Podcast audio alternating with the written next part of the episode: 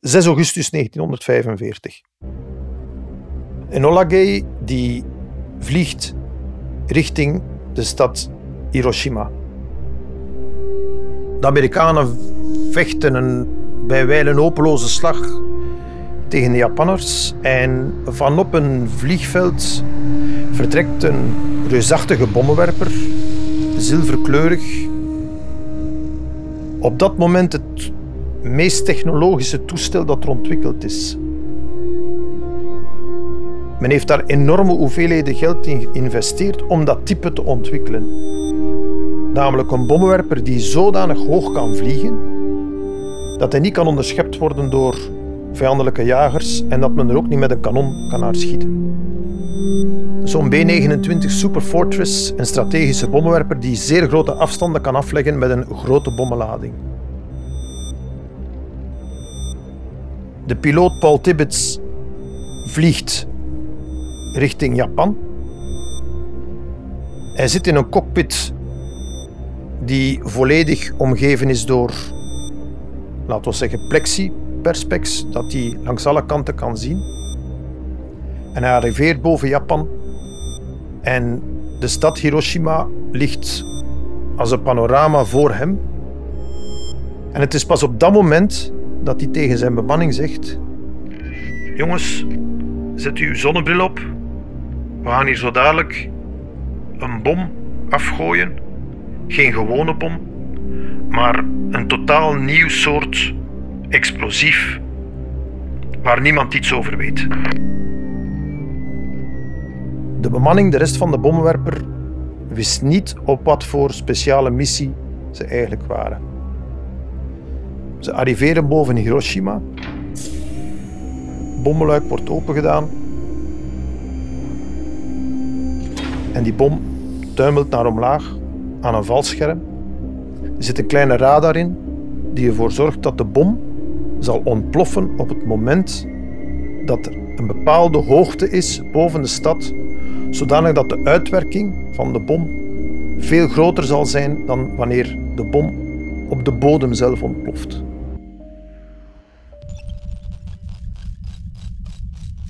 Die 6 augustus had die P-29 geen gewone bommenlading, maar hij had aan boord één bom, groot eivormig projectiel, met daarin materiaal dat in oorsprong afkomstig is uit Belgisch Congo, maar dat ook een tussenstap heeft gekend in Olen.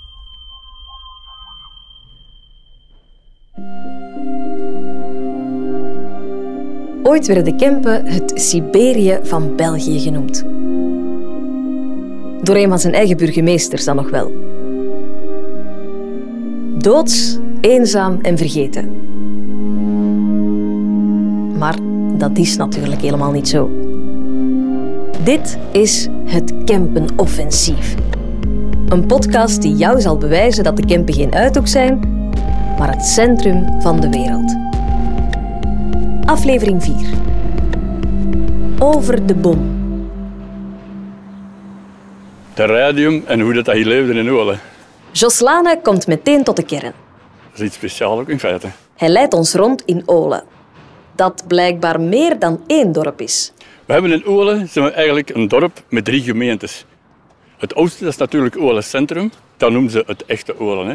En dan kwamen er op den duur toch zoveel bevolking bij wonen hierachter in de Kempen in Olen, dat ze hier een bijdorp gemaakt hebben. En omdat dat natuurlijk achter Olen centrum lag, noemden ze dat botweg achter Olen. Ja, en achter Olen was een beetje mooi. Ja. Bent wel van het gehucht iets minder waardig dan, echt, dan het echte Olen. Je bent maar achter Olen. Hè. Toen op een gegeven moment uh, was er een industrieel en die was van Oud-Turnhout, dat was meneer Leemans. Die had er een, een fabriekje Misschien zoiets like schoensmeer of zo, een klein beetje scheikunde. Maar die wou uitbreiden. En die kon hier in Oelen nog wel goede koop aan grond gragen. Een groot perceel grond. En in die tijd was grond in Olen waardeloos. Het was helemaal heidegrond. En hoe meer dat je hier afzakte, ging er naar het noorden, hè, werd dat minder en minder. Dat was niks. Dat stonden praktisch maar een paar armtierige woningjes, dat was nog hele zavel. Dat was niks waard. En als we nog een klein beetje verder gaan, hè, waar dan nu bijvoorbeeld Bobbejaanland zit, hè, dat was puur moeras. Daar kwam haast geen man. Dat was zelfs nog levensgevaarlijk. Moesten daar inwandelen. En je kende de weg dan niet. Je had gewoon kans dat je er ergens in een moeras zakte en dat je gewoon verdwenen was. Dus meneer Leemans van de fabriek had een erg goede zaak gedaan. Die kon dat voor een schone prijs ginder die grond voor de fabriek kopen. Hè. En zo is de fabriek natuurlijk na jaren uitgebreid en uitgebreid en uitgebreid. Maar hoe komt het dat Jos zoveel over de geschiedenis van Olen weet? Ik ben natuurlijk heel hard geïnteresseerd in geschiedenis. Ik heb hier ook altijd in dat dorp hier gewoond en ik wil daar zoveel mogelijk van onder weet komen. Al hetgeen dat ik kan vinden in archieven, dat hou ik allemaal bij en ik wil er zoveel mogelijk van onder weet komen. En ik weet ondertussen redelijk veel ook. Jos is een man van projectjes. Ik ben nu bezig met het Olen schoolgerief. Al hetgeen dat ik van Olen schoolgerief kan vinden, dat sla ik allemaal op. En ik weet dat bijvoorbeeld, overlaatst kwam er een nicht van mij en die zei, ik heb nog een cadeau voor u. Een cadeau, ja. Wat zou dat nu kunnen zijn, een cadeau? Die komt er toch wel af met, met mijn nieuwjaarsbrieven van 1961 en 62. Dat is toch zalig. Mijn ouders die hadden bijvoorbeeld mijn eerste schoolschriftjes. Hoe dat je moest leren schrijven. Die gooiden ook niks weg, die hielden dat allemaal bij. Zo zal dat ingegroeid zijn, denk ik. Ik ben daar enorm geïnteresseerd. Als Jos een passie heeft voor alles wat uit het Olen van het verleden komt, dan heeft Sinrik Sinrik de Dekker. een passie voor de luchtvaart. Ik ben 54 jaar en van kinds af ben ik gepassioneerd door historische luchtvaart, oude vliegtuigen. Toen ik anderhalf was, zijn mijn ouders gemigreerd naar de Verenigde Staten. En ik heb dus leren spreken in het Engels. Dus eh, daar hebben wij geleefd tot ik een jaar of vier was. Zijn mijn ouders teruggekeerd. Ook met een vliegtuig. Dus dat herinner ik me nog heel goed. eh, die vluchten met die 707. Boeing 707. Dat herinner ik me natuurlijk heel goed. En dat we dan terugkeerden naar België. eh, en ik sprak enkel Engels. En ik moest Nederlands leren. En eh, die vliegtuigen, dat heeft mij altijd achterna gezeten. Altijd ben ik gefascineerd geweest door dat fameuze vliegtuig, die Enola Gay. Die P-29 Super Fortress. Een heel groot vliegtuig. Dat dus die historische missie heeft eh, gevlogen, waardoor die Tweede Wereldoorlog eigenlijk geëindigd is. Sinrik schreef Voordat de bom viel. Een boek over de Belgische betrokkenheid bij dit keerpunt in de wereldgeschiedenis. En om het verhaal van de bom in Olen te vertellen, moeten we eerst terugkeren naar Tsjechië, Joachim Staal, waar een Duits onderzoeker Martin Klaprood, een nieuw erts vindt in de grond. waar men niet goed blijf mee wist. Dat was een gelig mineraal, kan verschillende kleuren hebben, verschillende vormen. Dat ze een naam moesten geven: Heeft men dat uranium genoemd. uranium. Omdat men op dat moment ook net de planeet Uranus ontdekt. Het metaal spreekt tot de verbeelding. Andere onderzoekers, waaronder Marie Curie, gaan er meteen mee aan de slag. die had door dat daar bepaalde krachten in waren en de nieuwe kracht die ontdekt werd in het verloop op het einde van de 19e eeuw was radioactiviteit.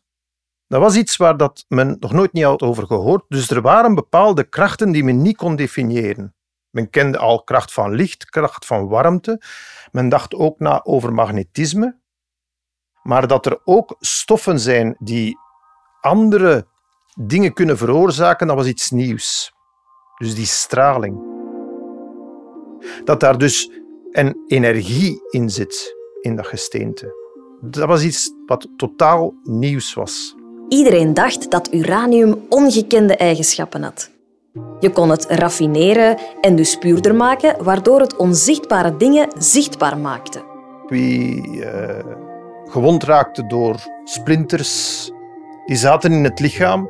En dan moesten die chirurgen moesten beginnen zoeken in die mensen hun lichaam, waar zitten die splinters om die eruit te halen. Bomsplinters, opgelopen in de loopgraven in de Eerste Wereldoorlog, konden gezien worden met X-ray, op basis van uranium. Door zo'n X-ray-foto te nemen, wist men direct van, kijk, daar zit die splinter en konden die mensen op een veel minder pijnvolle manier geholpen worden. Uranium is het nieuwe wondermiddel en meteen ook big business. Want niemand wist echt waar het te vinden. Op dat moment waren industrieën op zoek naar koper om elektriciteitsdraden mee te maken. In Katanga, Belgisch Congo. Ook in Belgisch Congo werd er druk gezocht. Mannen werden de broesen ingestuurd die nieuwe gebieden moesten zoeken waar veel koper in de bodem zat.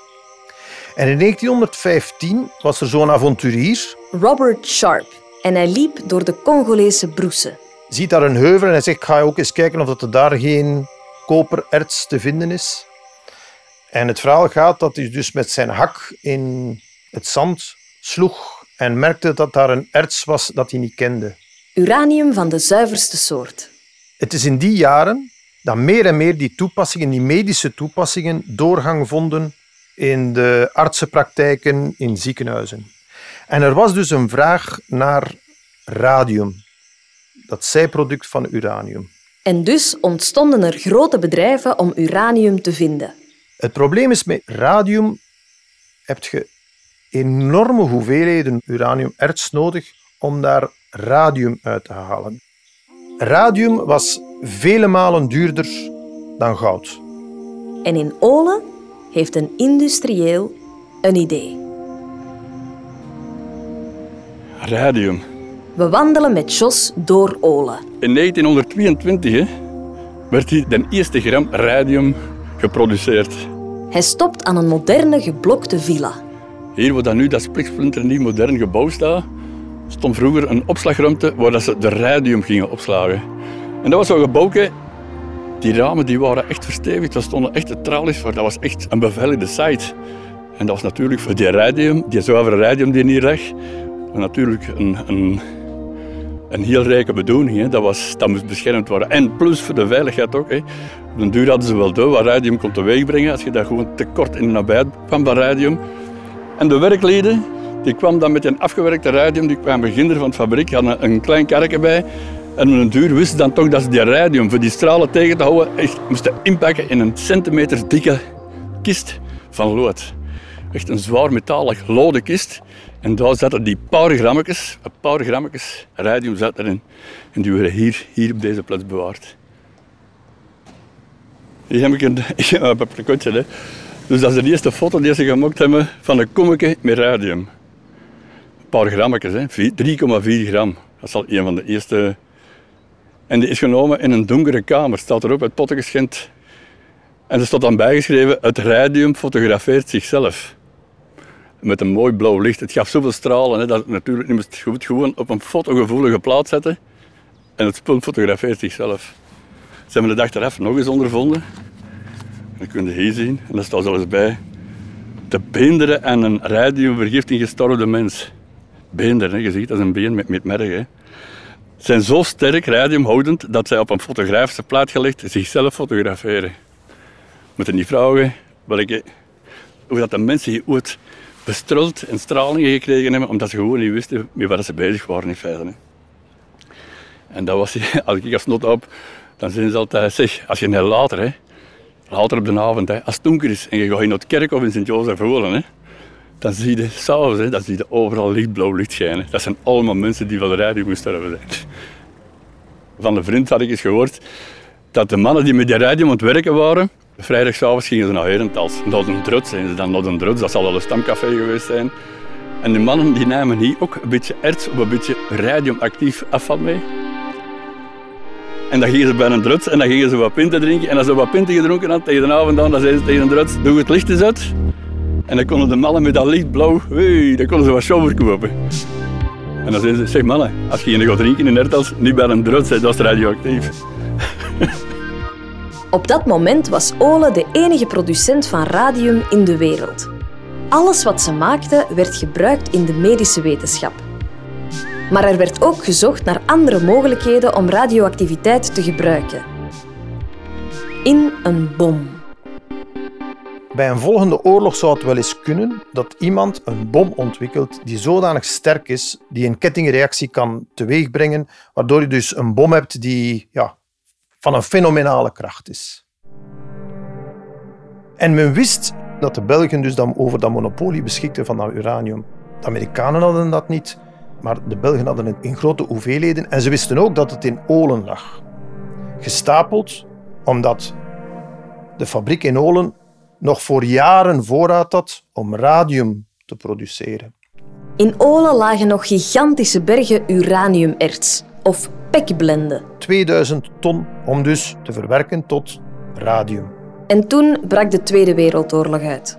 De directeur van de fabriek in Olen, Edgar Songier, dacht na. Die 2000 ton mag hier niet in Olen blijven liggen. Die moet hier weg.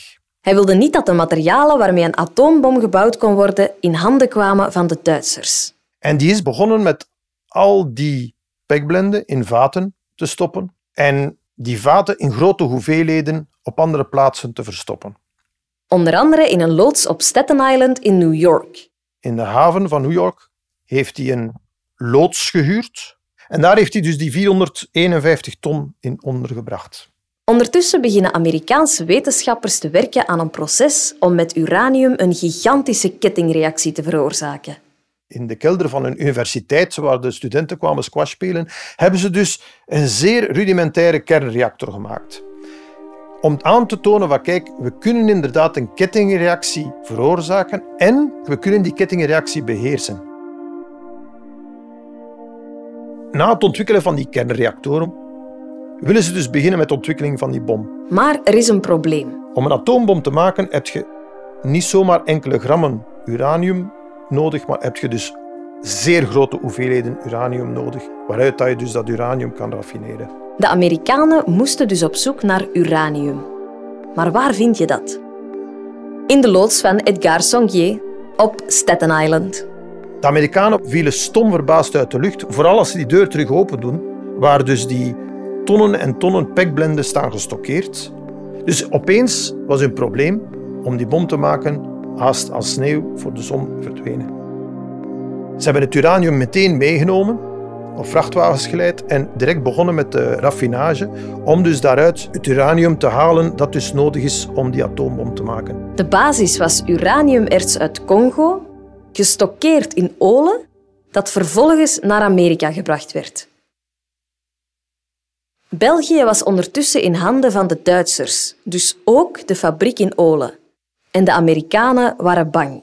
Bang dat er uraniumerts achtergebleven zou zijn, dat nu in handen was van de Duitsers. De Duitsers hebben mogelijk controle over uranium dat in Olen nog ligt. En dat was dus, is er een speciale eenheid opgericht in het Amerikaans leger, die dus in het zog van de troepen die in juni 1944 in Normandië aankwamen, meegingen. En waar ze bijzonder veel belangstelling voor hadden, was dus de fabriek in Olen. Van zodra Olen en omgeving bevrijd is geweest rond 8, 9 september 1944, zijn er dus Amerikaanse onderzoekers het bedrijfsterrein van Olen opgereden om te gaan zoeken van hoeveel erts ligt er hier nog. Hebben de Duitsers dat meegenomen? Ze hebben daar waarschijnlijk niet veel erts gevonden. En ze vreesden op dat moment van oei, misschien is het allemaal naar Duitsland verscheept. Maar Duitsland heeft tijdens de oorlog nooit echt aan een uraniumbom gewerkt. Ze hadden onvoldoende uranium, ze hadden onvoldoende kennis. Hitler wou er ook niet in investeren. Dus de Duitsers hebben eigenlijk, ondanks alle spectaculaire films en verhalen die daarover gepubliceerd zijn, de Duitsers hebben nooit echt sterk gewerkt aan een uraniumbom. En zo zijn we terug op 6 augustus 1945. De eerste atoombom valt. Daarna de tweede. De wereld reageert verschrikt. De oorlog eindigt. In Olen zijn de overblijfselen van het verleden nog steeds voelbaar. Deze was bijvoorbeeld mijn straat. Die heb ik mijn jeugd doorgebracht. Het is de Kapellekenstraat. Gewoon simpel benaming, omdat dat van voor en van achter, zie je een kapelletje. Hè. Dat was mijn speelstraat, dat was roze plezant natuurlijk. Hè. Maar wat deed de fabriek? Die radium en die afval van die radium, hetgeen dat ze ermee nodig had hadden voor die radium uit de erts te trekken, dan moesten ze die vanaf te geraken. Singles noemden ze dat, singles. Dat waren singles. Dat bijvoorbeeld als een kachel, als je kolen opgestokt hebt in een kachel, dan blijven altijd singles over. En we hadden op een duur bedacht, als we die singles, die gloeiend hete singles, als we daarna een beetje radioactieve spul tussen, en dat stolt op, dat wordt hard, dan zijn we er toch vanaf. Alles tegen mensen gezegd, zeg, als je nog eens een huis gaat bouwen of je moet een hebben of het een of het ander, we zullen wel eens een camion leveren. Hè. Je graaft een goal en, en, je doet er dat in en je bent vertrokken. Hè. Dus je zit in een stevige ondergrond. Bijvoorbeeld hier, deze straat, dat was vroeger maar een zandpadje. Had een man nog niet beter gevonden als die singles hier kapot te stompen en die van hier tot ginder als ondergrond, een laag asfalt erover. Totdat we natuurlijk op een duur wisten dat als je hier met een geigenteller overging, was hem aan Dat was puur radioactiviteit. Hè. Ik heb dan mannen zien komen weghalen. Mannen met witte pakken en maskers en met geigentellers. We hoorden dat ronken. We hoorden dat ronken. Een soort getik. En hoe meer dat hij bij radioactiviteit komt, hoe harder dat hij begint. Maar dat is een speciaal geluid op een geigenteller. En ik heb het gezien, die borduurs, dat waren nog Arduino borduurs, hebben ze eruit geschept. Het kleinste stukje dan, up, ja, dan lag dat op, op die schop van bovenop. En alles was maar een fragmentje, hè. dat bleef tellen. Dus dat zit hij jaar en dag ingezeten. Ik heb er dan op gelopen, heb gespeeld en ik denk op die, op die manier dat ik er ook de gevolgen van draag. Ik ben dan uh, in 2008 ziek geworden, ernstig ziek geworden. Een diagnose gekregen van de ziekte van Kaler. En de ziekte van Kaler is een mergkanker. Komt van bestraling. Ik ben dan in Leuven in behandeling gegaan. Prof die vroeg me natuurlijk zo'n beetje naar mijn verleden. Hij vroeg dan, hij veel met, chemische producten gewerkt, heb met, met verf gewerkt. Heb, nee, zeg, het enige dat ik kan vertellen, en dat is nogal redelijk drastisch, dat is dat ik hier als not op over die straat gelopen heb, gespeeld heb. Over een radioactieve straat. Hè. Misschien is dat wel de reden dat ik, uh, dat ik die ziekte opgelopen heb. Hè. Ik heb van de ene kant geluk. Ik heb een hele goede professor gehad in Leuven. En die hebben me fantastisch goed behandeld. Zwaar behandeling, chemo, stamceltransplantaties. En ik kreeg een bepaalde leefbaarheidsdatum zou gekregen hebben. Hij plakt er zoveel jaar op, hij plakt er tien jaar op. Ik als kind wilde lagen niet meer krijt op de straat, willen zaten fysiek op die straat. We waren niet pottige stamp spelen, we waren niet het spelen. Is dat misschien een reden? Een goede engelbewaarder, denk ik. Ik ben er ondertussen al verschillende jaren over en ik ben nog altijd medicatievrij. Dus ik weet natuurlijk nooit niet, maar ik heb al mijn geweldvol geluk gehad met al die miseren die ik hier in feite heb gelopen. Hè. We wandelen met Jos verder de straat in. We wonen dan in het midden van de straat. Ik, ik kan er hier praktisch van was dat was zeggen wie dat hij allemaal ziek geworden is, wie dat er allemaal van kanker gegaan is. Hè. Mijn moeder die ging met een groentekerkje door de straten van de CT, fruit en groente verkopen. Die konden natuurlijk ook zeggen van, was de was die heeft veel, was ooit geweest, waar dat die man ziek in bed lag. Ze hebben me ooit eens verteld dat ze iemand gezien had waar je bijvoorbeeld in de handpalm, dat je in die zijn arm kon zien, in die aders, en dat was precies zo, like, like gangen, waar dat de mieren doorkropen. Zo, was, zo, zo lag die mens gewoon in zijn bed te creveren. Waarschijnlijk van die stralingsziekten en, en ik kan er hier verschillende, verschillende hier. Onder vrienden lachen we wel eens mee en zeggen we, eigenlijk zijn we wel geen actieve bevolking, eigenlijk zijn we wel meer een radioactieve bevolking. Zeg ik altijd